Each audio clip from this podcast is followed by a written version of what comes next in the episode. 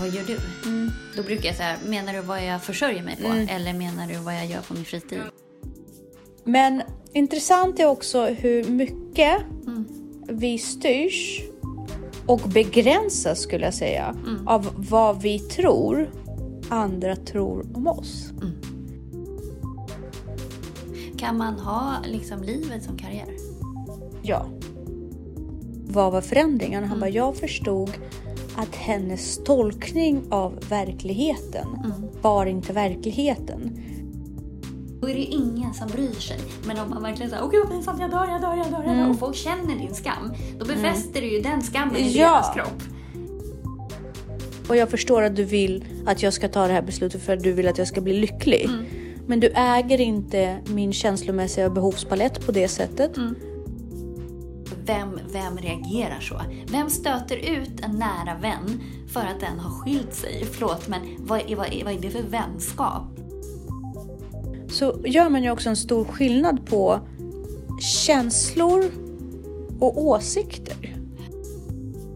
Äg din skam. Ja. Det gör dig ju till en mycket större människa. Hej Jessica! Hej. Vi är hemma hos mig nu. Ja, Jättetrevligt. mm, härligt. Ehm, det är så bra när jag inte jobbar just nu. Nej, För jag hinner med så mycket annat. jag vet, man gör ju det. Det är så konstigt det här tillståndet. Jag, jag, jag vet att för typ tre år sedan skulle jag gå på, i, på väggarna av att inte veta vad jag ska göra med mitt Nej. liv. Just nu, alltså jag tror inte att jag, jag tror inte att jag inte gör någonting någon gång. Nej, Jag gör saker hela tiden. Jag är så sjukt produktiv. ja. Härligt. Ja, men jag känner också att det är ändå bra att gå tillbaka till jobbet. Det vore ju skönt att kunna göra det. Mm. Faktiskt på något sätt också.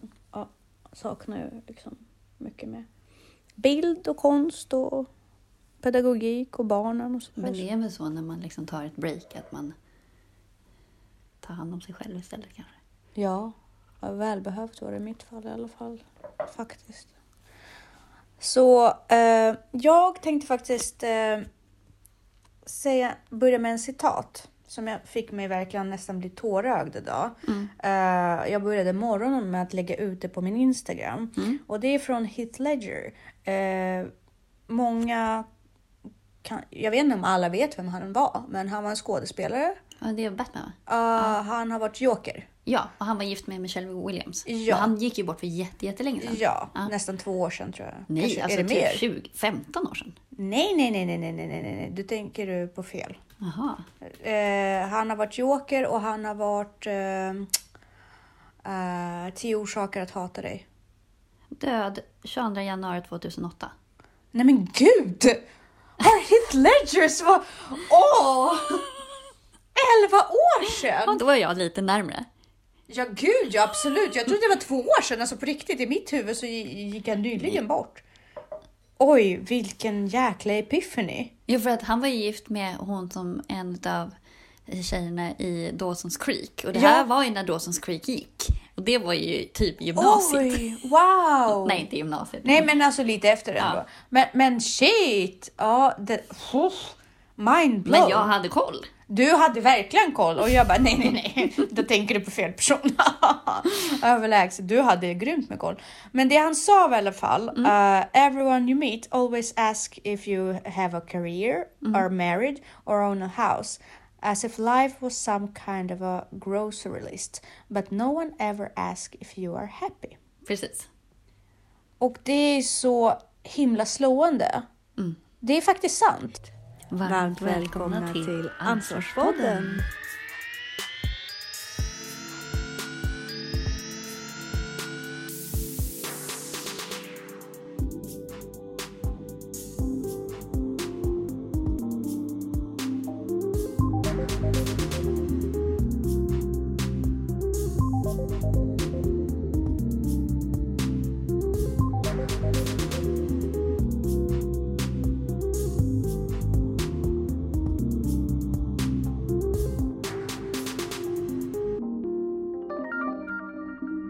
Tänkte faktiskt på det där precis alltså häromdagen. Att så här, jag har verkligen ingen strävan efter karriär. Det är så ointressant för mig med en karriär.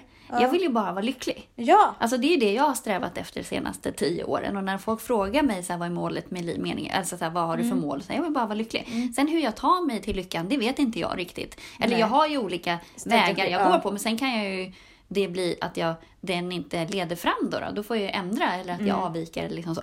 Men just det här karriärsmänniska, eller så här, om man ska definiera sig som karriärskvinna, det Mm. känns så fruktansvärt ointressant och avlägset och liksom Alltså vad är det ens? Det känns så omodernt också. Men det känns också, alltså, jag, jag har ju aldrig varit en karriärskvinna så. Nej. Och jag har aldrig varit någonting karriär. Shit.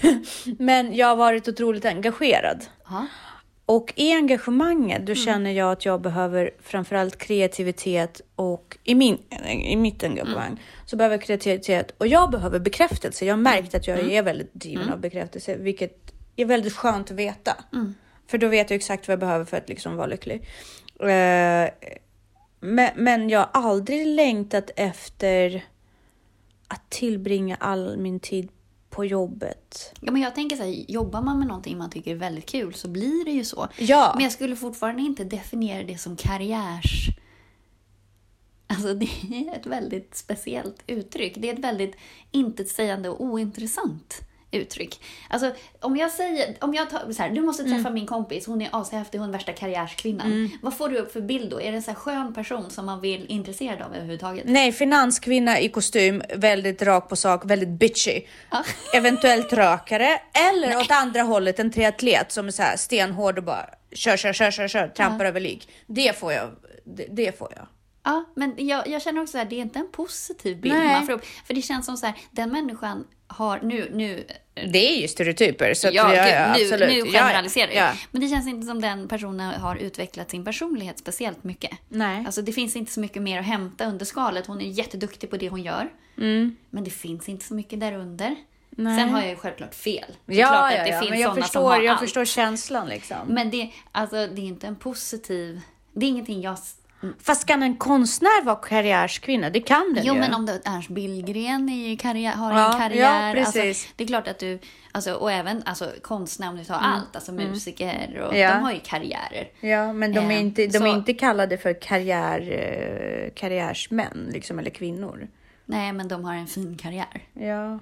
Eh, Så det är väl egentligen bara att du kommer väldigt långt inom ditt skrå. Men sen mäter man ju inte alla skrån heller. Det är så här karriärslärare. Nej, men det... Oh. Men det, det finns ju någonting som bästa lärare. Ja, men hur tas de fram? Liksom? De tas ju inte ens när det är så här årets lärare och så. Det, det är ju inte fra, det är ju inbördes beundran. Alltså, Ja. Du får nominera. Men jag menar, har, har någon någonsin, alltså om man tar från våran skola. Nej. Alltså det är ju bara, det är ju inte baserat på På någonting egentligen. Nej. Och i och med att du inte har en sån att du kan tjäna jättemycket och klättra. Det är inte ett sånt yrke, det är inte statliga yrken. Men sen kan det ju också vara så här, du kan ju sitta hemma och trada och tjäna hur mycket pengar som helst men du är fortfarande ingen karriärsmänniska. För att jag tror att det måste finnas en offentlig stege du har klättrat. Ja, precis. Och där är det också väldigt intressant nu i samband med, med valet. För Elisabeth frågade så här, varför är det alltid så att eh, amerikanska presidenter är typ så här gamla gubbar? Jo, och det, det är väl så att eh, jag sa någonting i stil med ja, de har mest erfarenhet och folk känner till dem bäst och de har hunnit. Jag vet inte, någon sörja sa jag till henne. Men sen så satt jag och snackade med Viktor och vi kom ju fram till att anledningen till varför de gubbarna kommer fram, det är för att majoriteten av pengarna i USA ägs av den klassen av människor. Men också är det inte så om man tittar på de två kandidater som Ja, finns är- nu. Kunde, fanns det inga mer lämpliga i hela det landet? Nej, det gjorde faktiskt Kunde man inte det. inte skaka fram någon? Nej, därför Lite att yngre? Kapitalet är ackumulerat hos samma typ av människa. Den, de kandidaterna Mm. återspeglar ju vart pengarna finns. Mm. Och de männen vill inte satsa på en ung eh, frilansare. De vill inte satsa på en mörkhyad kvinna. De vill inte satsa på en kvinna överhuvudtaget om hon Nej. inte är Hillary Clinton och basically är en medelålders man. Liksom, nej men, eh, först, förstår du? vad- De vill inte satsa på nytt. De är trygga och, och nöjda med sin elitistiska tillvaro och de vill se en sån president också. Liksom, så att eh, där är också intressant med vad, vad, vad återspeglar den bilden? Liksom, eh, karriär, karriärmässigt. Men det finns ju fyra definitioner av, eller inriktningar på karriär. Mm. Som kanske breddar det lite. Men då är det så här expert, specialist. Eh, och sen så linjär. Mm. Eh, utvidgande. Och projektinriktad. karriärer. Ja. Mm. Eh, och om man drivs av de här linjära drivkrafterna så vill man ju ha makten att påverka och fatta beslut. Och man gillar att nå resultat och tävla med andra om man drivs av högre lön och status. Men man behöver inte vara chef Nej. för att få utlopp för det här. Eh, och de utvidgade, då drivs man av att utveckla sig själv Mm. och andra. Och att man är generalist som tycker att ständiga utmaningar med utvecklingsfokus. Så att man kan ha en utvecklingskarriär då. Man vill ofta byta arbetsuppgifter eller arbetsplats med jämna mellanrum. Annars tappar man energi och motivation. Och sen så har man det projektinriktade som drivs av stor frihet och variation. Det är väl ofta entreprenörer kan jag tänka mig. Man drivs av uppgifter, uppdrag och olika arbetsplatser för man tröttnar. Så att med det begreppet så, så blir ju karri- ordet karriär bredare. Och så, det finns ju olika typer av karriärer då. Precis. Men det vi tänker karriär när vi hör karriär är ju så mycket mer då. Mm. Ehm, och då är det väl mer sådär, jag är nog då projektinriktad, Ja, men jag skulle ändå inte kalla det för karriär. Om, då kanske ordet karriär då är en definition av ditt arbetsliv, eller? Ja, alltså det, precis. Och där har vi också varit inne på att man ska ju definitivt inte att, att ens jobb ska inte vara den största definitionen av en själv. Så, men däremot är man entreprenör, då kan det definitivt vara en definition av dig. Därför att då kan du syssla med så mycket för att dra in pengarna. Så det behöver inte vara en åtta eller nio till fem jobb på det Nej. sättet. Och då kan man ju visst definiera sig med det. Alltså jag menar, om jag skulle ta steget och hoppa över till mer kreativt arbete, så som till exempel content creator eller, eller eh, konstnär. Då skulle jag definitivt kunna färgas av min karriär mycket mer. Alltså det skulle frambringa mig mycket mer. Jag skulle aldrig kunna, alltså om jag presenterar mig för folk så skulle jag ju sällan säga att jag är fritidsledare. Alltså om de frågar vad jag jobbar med skulle jag säga det. Ja. Men jag säger Tanja, fritidsledare. Men, Nej. men jag skulle kunna säga Tanja, jag är konstnär. Jo, men ja, det kan jag fråga tillbaka om folk frågar så här, ja men mm, så här, vad gör du? Mm. Då brukar jag säga, menar du vad jag försörjer mig på? Eller menar du vad jag gör på min fritid? Ja, eller liksom, vad jag, så. Ja, För det är så olika frågor för precis. mig. Eh, För jag är inte det jag försörjer mig på. Men majoriteten av människor är ju det de försörjer sig på, försöker jag säga. Liksom, om man frågar Viktor, då vet han ju att han är ekonom. Det är ju det han är. Han ser sig själv som ekonom första han tänker.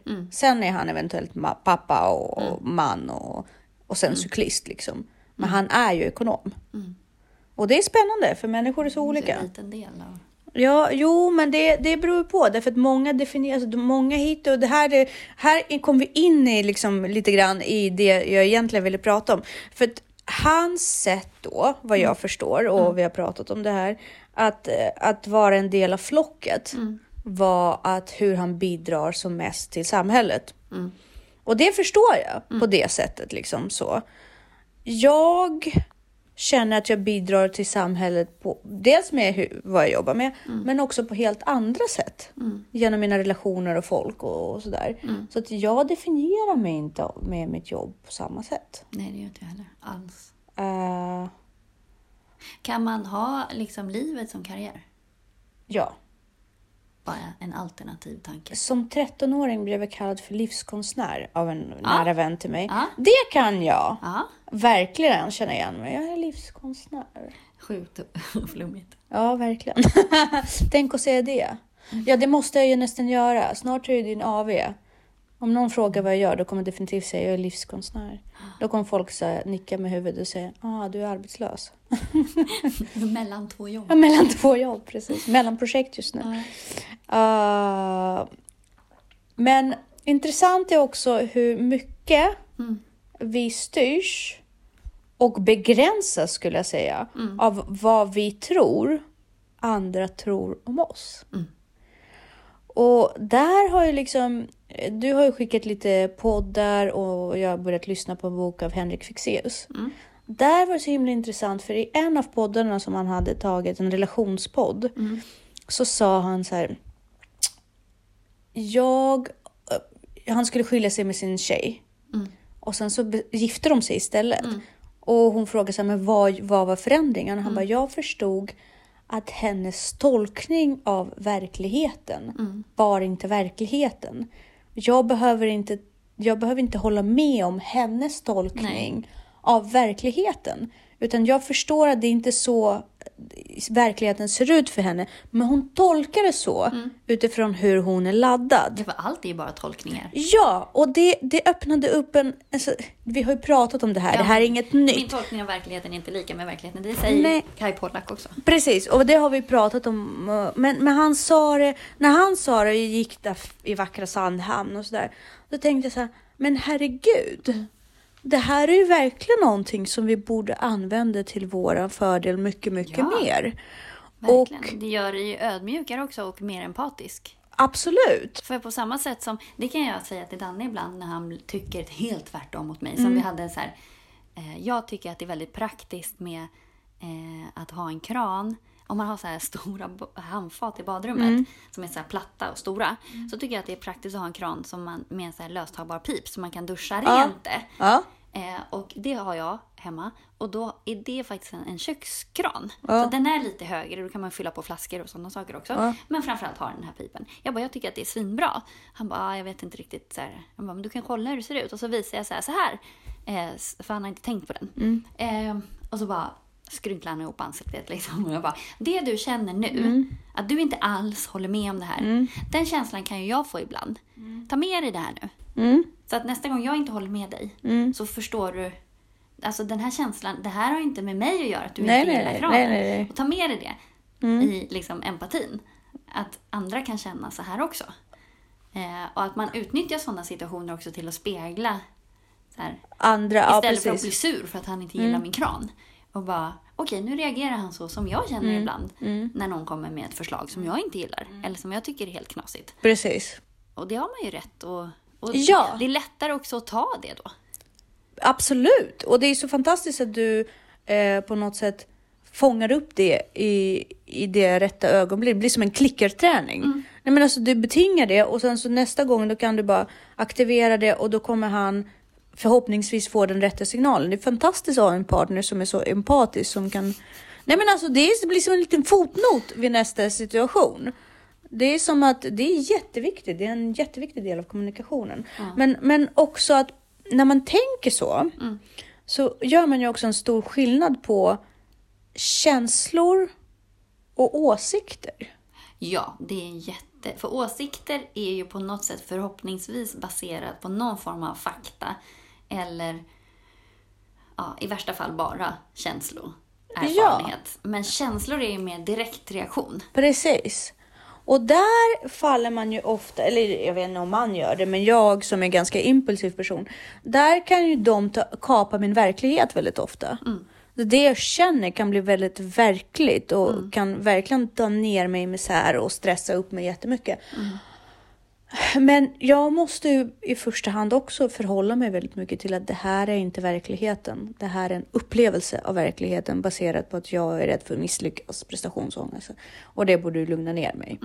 Men det gör ju också en jättestor frihet till relation eh, i relation till andra människor.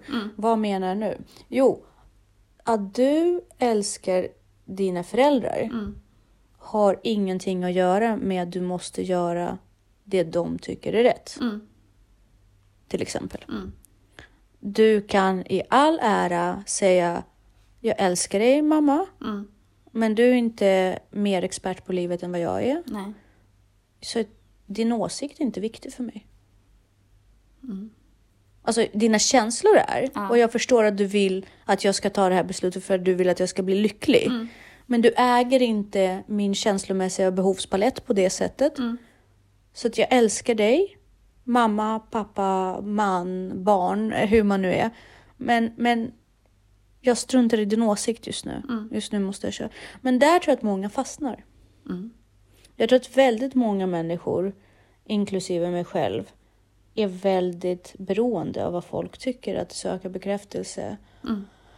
I nästan allting. Det roliga, det, det, jag, jag lyssnar ju på Henrik nu då, och så lyssnar jag på Gary Vee. Mm. Och de säger ju båda två samma sak. Men det roligaste var att när du och jag träffades Mm. så var det det du sa väldigt mycket. Alltså det, det, det slog mig. Bara, Jag bryr mig inte om folks åsikter Mm. när jag vet vad jag ska göra. Mm. Och jag bara shit. Jag tror förhoppningsvis, jag börjar komma dit nu. Jag bara, Mm. Det var så främmande för mig när du sa det första gången. Det var så sjukt främmande därför att en person som inte bryr sig om andras åsikter i mina öron då lät ju som en person som egentligen inte alltså bryr sig inte om folk Mm. sådär jättemycket. Ja, alltså, det lät ju så för mig och jag upplevde det så. Men nu inser jag att du är en person med största, största hjärtat. Nej men alltså verkligen. Som jag känner. Och anledningen till varför du är det, det är också för att du, du låter dig inte stoppas av andra åsikter. Jo, andras jag åsikter. göra. Absolut, jag påverkas ju av det. Jo, men Jag inte lika, de är väldigt mycket mindre mån än vad jag, alltså vad någon annan jag känner. Men jag tror också att det gör ju att du inte är bitter. Vilket Nej. gör att du kan ändå tycka om människor fast du inte bryr dig om vad de tycker. Jag försöker ju skilja på sak och person. Ja, Men det är ju ett sätt att skydda mig själv. Alltså, för att inte bli besviken eller inte bli... Alltså, jag tycker att, att folk har ju rätt att göra som de vill. Jag kan ju inte gå runt och bestämma hur folk ska reagera eller hur de ska tycka och tänka. Du Men- kan. Men, Nej, men, och om det blir så att de tycker och tänker så mycket olika än vad jag gör, då är det antingen så är det intressant eller så blir det så jobbigt så att jag inte orkar vara kompis med dem. Nej. Då får jag väl ta ställning till det då. ja. Men jag kan ju inte gå runt och vara irriterad. Alltså det skadar ju bara mig. Ja. Sen kan man ju förundras och det är rätt roligt att förundras. Jag har mer och mer börjat Ja. förundras bara. När folk nära mig. Om det är någon som jag inte känner då kan jag mer säga, men gud, ursäkta. Mm. Men om det är någon jag känner då har jag ju andra sidor av myntet också som, Ja. som påverkar. Så att är det någon man träffar första gången som gör något jätteknäppt, då blir ju det hela den personen. Precis, på. Medan precis. är det någon man känner så vet man ju att det finns ju sidor jag gillar också. Eh, Bilder blir mycket mer ju nyanserad. Ja, men då blir man mer förundrad. Ja. Men gud vad oväntat. Mm. Ja, det är kul när folk förvånar en. Men, men. Precis. Och vart jag leder här, för det här har ju en poäng. Och när man går åt det här hållet, där man slutar tänka på vad andra tycker och så. Så slutar man ju också vara arg och bitter för att man hämnas, hämmas i sina egna utvecklingsmål. Ja. Men för det måste man ju vara väldigt stadig och väldigt självsäker. För om du bara har en kompis Mm. Till exempel och du är verkligen i behov av social umgänge och den kompisen beter sig vidrigt mot dig. Men du är också rädd att bli ensam. Ja, ja, absolut. Men jag är inte rädd att bli ensam. Ja, precis. Och, vad, och jag tror att det är det som är nästan... Eller, Nej, men, ja, ja, men jag är hellre ensam än med folk jag inte trivs med. ja, Sen så är det klart att jag vill vara med dem jag tycker om. Precis. Jag vill ju inte bli utstött. Nej, och där är- tror jag att många är väldigt rädda för att bli utstötta. Mm. Så att man bryr sig om andras åsikter för att man är rädd att bli Men det är ju utstött. instinktivt. Det är ju att åker vi ur flocken så dör vi ju. Liksom. Så måste, vi måste börja tänka på det. Mm. Om dina vänner stöter ut dig för att du, ska, för du går och skiljer dig, då måste du faktiskt byta vänner. Mm. Ja, för vem, vem reagerar så? Vem stöter ut en nära vän för att den har skilt sig? Förlåt, men vad är, vad är, vad är det för vänskap? ja, ja, absolut. Alltså förlåt! Ja, ja, men det är inte alla som förstår det på det sättet när man är ensam och går igenom en sån trauma. Och då, då man är ju så rädd att vara ensam. Så till exempel den grejen, eller typ att man gör någonting oväntat, lämnar sitt jobb och blir konstnär eller någonting sånt. Man, man, man, man är ju så rädd att folk ska tycka att du är sjuk i huvudet. Men du kanske är sjuk i huvudet och det kanske inte spelar någon roll. Fast Och vadå sjuk i uppenbarligen... huvudet? Vem bestämmer det? Ja, exakt. Men om, uppenbarligen så är det ju det om det, du känner att du behöver va, göra det här om, för att göra dig själv lycklig. Eller hur? Acceptera dig själv för fan. Acceptera att det här är behoven du har. Mm. Och om du, men om du inte kommer att acceptera de behoven, då kommer du bli bitter. Vi träffar Mm. ju så mycket folk liksom varje dag. Som man märker är förbittrade. Mm. Av att de hela tiden viker sig för andras åsikter. Mm. Jo, men det är ju dålig integritet. Ja. Du blir ju bitter om du märker att du gör saker som du egentligen inte vill och att andra inte lever upp till dina förväntningar. Mm. Jag vet inte om det här är flummigt, men på något sätt, alltså, och, jag börjar mer och mer bottna i det här med varför är vi så rädda? Mm. Varför är vi så rädda hela tiden? Vi pratade ju förut, jag har haft en incident som, var färdigt, som var otroligt traumatisk för mig. När jag pruttade på en Mm. Taekwondo-träning. Alltså det är traumatiskt. Alltså, det, var det är typ det värsta du kan vara med om. Dramatiskt. Alltså det är det värsta du Och- kan vara med om. Det är så jobbigt. Ja, och jag var tio år gammal och det var en grupp med killar och Mm. Ja. jag lyfte benet och ska jag lägga en spark men jag lägger en brak istället. Alltså det, det var, alltså jag kommer ju aldrig tillbaka. sig. Och ingen kommer ihåg det där. Och det är också den reaktionen Mm. man ger. Det är den som befäster om folk kommer ihåg det eller inte. Mm. Om du bara är så lite skön och bara oj hoppsan ursäkta eller Ja, så precis. humlan och flög till nästa. Ja. Liksom. Då är det ingen som bryr sig. Men om man verkligen säger okej vad pinsamt jag dör, jag dör, jag dör, jag dör. Och folk känner din skam. Då befäster du ju den skammen i Mm. Ja. deras kropp. Istället för att bara hihihi. Precis, så jag måste börja fisa mer offentligt, tänker jag. Mm. För att gå över. Nej men det, man måste vara eh, liksom eh, beredd på reaktionen. Det jag är, var rädd för och det jag inser också, det, det kommer färga mig som person framöver. Mm. Jag kommer vara den fisande tjejen. Jag kommer ha liksom avsexualiseras, Ja. bli en kompis. Det är, liksom, det, är det, det är så jag laddar min upplevelse av den verkligheten. I Mm. Ja. Mm. mitt huvud är det de processer som skedde då. Jag kommer avsexualiseras, jag kommer för alltid vara en kompis. Ja. Ingen kommer någonsin Ja. tycka om mig. Eller så kanske om du tar det på rätt sätt kanske de säger gud vilken skön person som bara bjuder på sig själv och bara är så här härlig liksom. Ja, men det, det händer ju inte i mitt huvud. Sen så kanske man inte behöver fisa med flit Nej, hela tiden. nej, nej. Men just det där också hur vi hanterar skammen. Ja. Och det är det du lär mig. Ja. Att så här, men jag menar, jo men det pratade vi om förra gången. Ja, ja, men Just det precis. där, att så här, vad var det jag sa? Äg, äg din skam. Ja. Det gör dig ju till en mycket större människa. Ja, för att eh, på något sätt så måste man ju det. Annars så dör alltså, Varje gång man kommer göra bort sig från och med då Ja. kommer ju vara som den här upplevelsen som jag hade med den där FIS-incidenten. Ja. Liksom. Och vad Det är att göra bort sig? Vad, vad är, men vems Exakt, åsikter? göra bort sig är att man bryter mot normerna. Men vems norm? Alltså, Ja, exakt. Ja. Och det, det, det, det, det, det, nu är vi skrap på det här obehagliga. Vem bryr sig? När du går Mm. hem, när du sitter hemma med din familj eller när du är på jobbet, tänker du på vad folk gör? Alltså har du i din, någon i din omgivning som du hela tiden sit- sitter och tänker om så här, men hur kan hon? men hur det, kan hon? Ja, men gör du det, get a life. Nej men alltså verkligen. Verkligen. Så majoriteten av människor, alltså, mång, jag har haft en kompis som tyckte att det var otroligt jobbigt. Alltså tanken på att någon annan sitter på en middag och diskuterar henne var sjukt obehaglig för henne liksom. Oj, jag har inte Ja. ens tänkt på den tanken att folk skulle göra det. Ja, men jag förutsätter att folk har mycket intressantare grejer Ja att diskutera. men förstår du? Men hon var så här, men tänk om någon, någon, alltså stör det aldrig dig? Att någon sitter på en middag och bara, men alltså hon, alltså jag vet. Och man bara, och jag bara, men du. Men om folk sitter så på en middag, då behöver de ju hjälp. Nej, men man sitter ju ibland så på middag och diskuterar folk. Nej. Men det är klart man snackar lite skit då och då.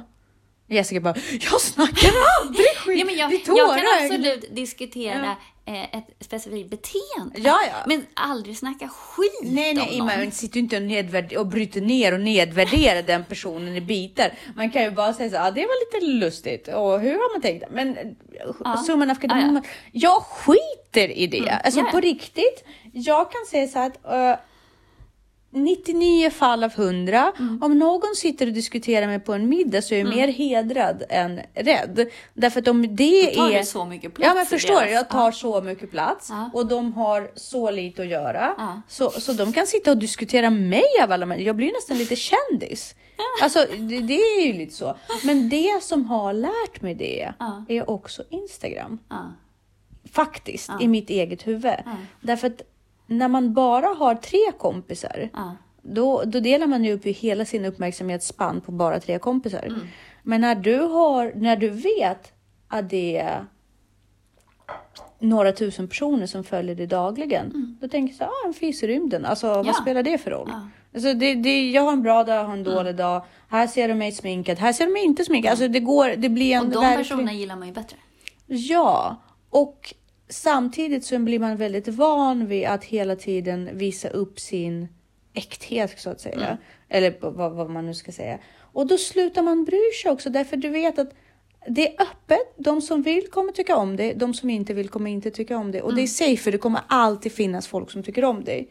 Så att om du upplever att du är skiträdd för andras åsikter. Testa att bredda din spann av människor du umgås med. Ja, lite så. Och om du är jätterädd att bli övergiven av din familj och det här är jätteviktigt för ungdomar också. Jag vet inte hur många ungdomar som sitter och lyssnar på oss.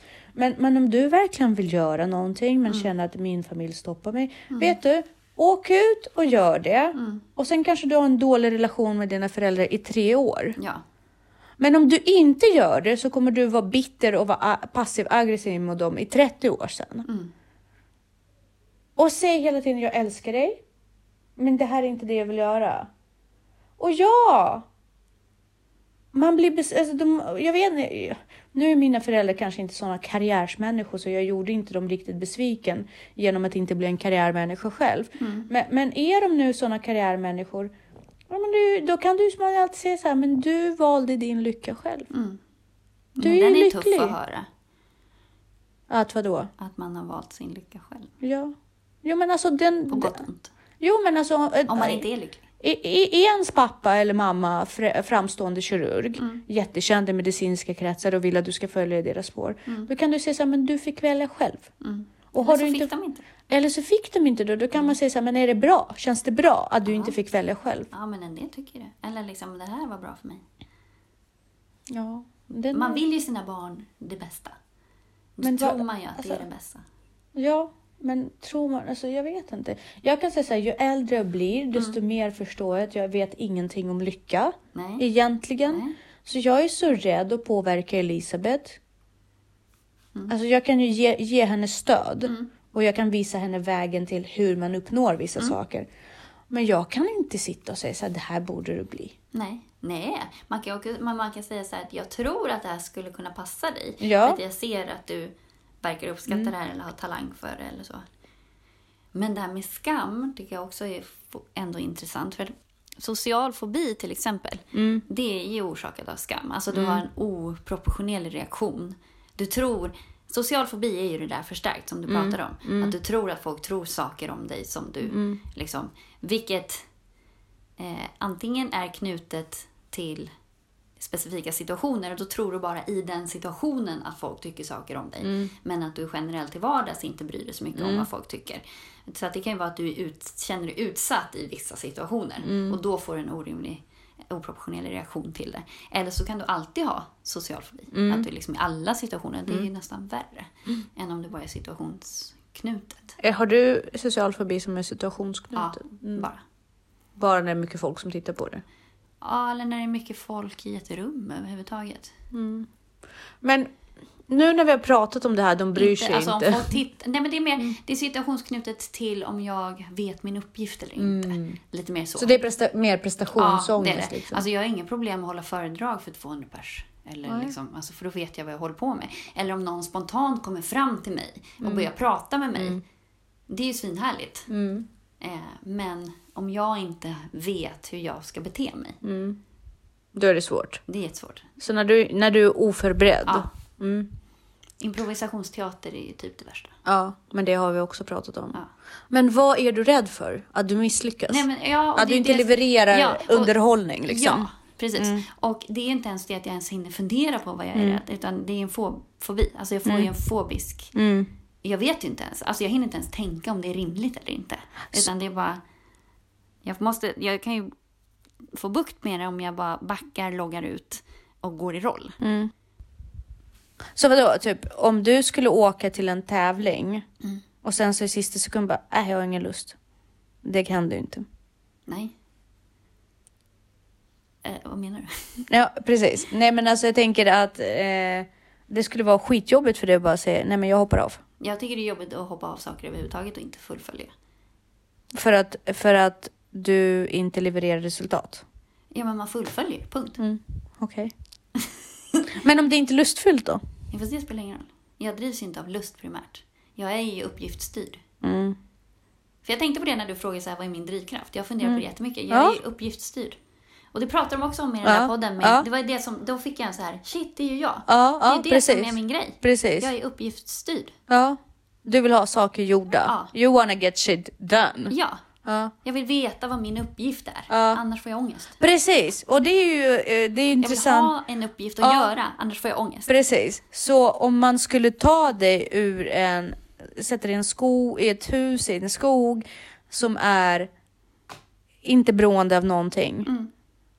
Du får mat levererad och du skulle bara få sitta där. Mm. Du skulle få ångest. Ja, det, det är min mardröm. Mm. Att, att det inte har en uppgift. Ja, men det är som jag pratade med en kollega för ett tag sedan. Hon bara, vad ska du göra i helgen? Hon bara, jag ska göra ingenting. Ja men Jag alltså, får så ångest. ja. Jag bara, herregud. Alltså jag måste ju ha saker att göra hela tiden Ja. för att inte få ångest. ja.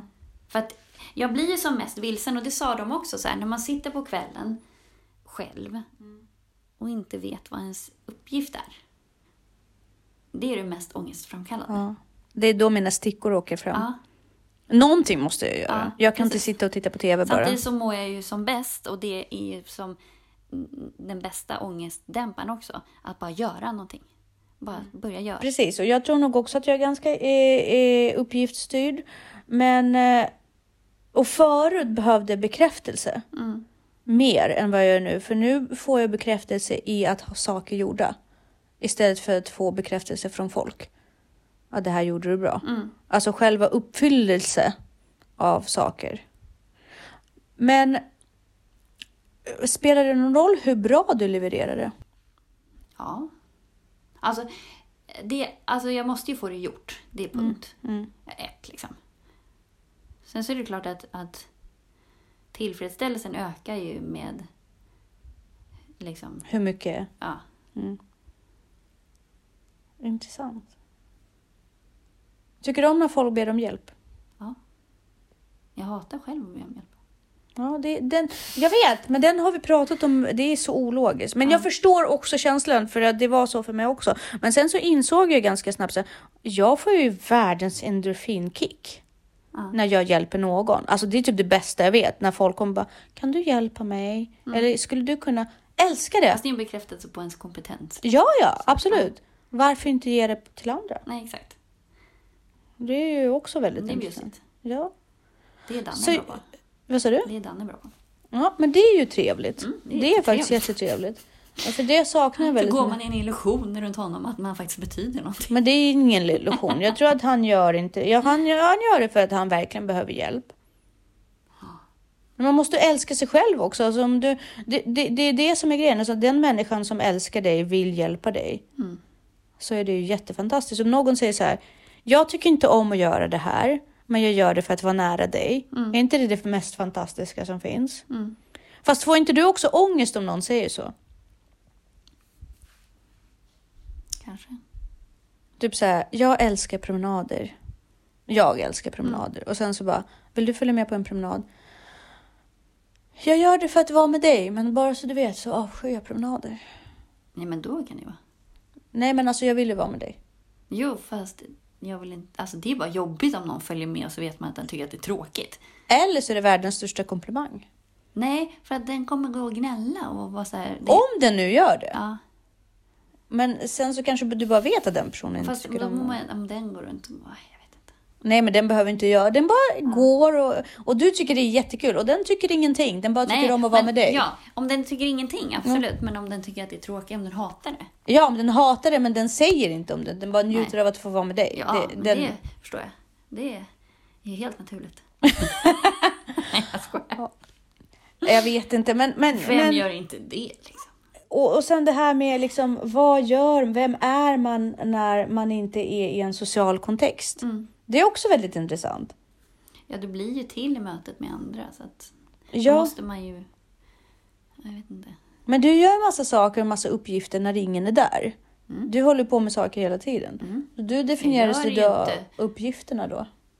Ja, Mm. jag gör det ju inte för bekräftelsen. För Nej. jag trivs ju bäst med om folk inte vet vad jag håller på med eller värderar eller dömer det eller liksom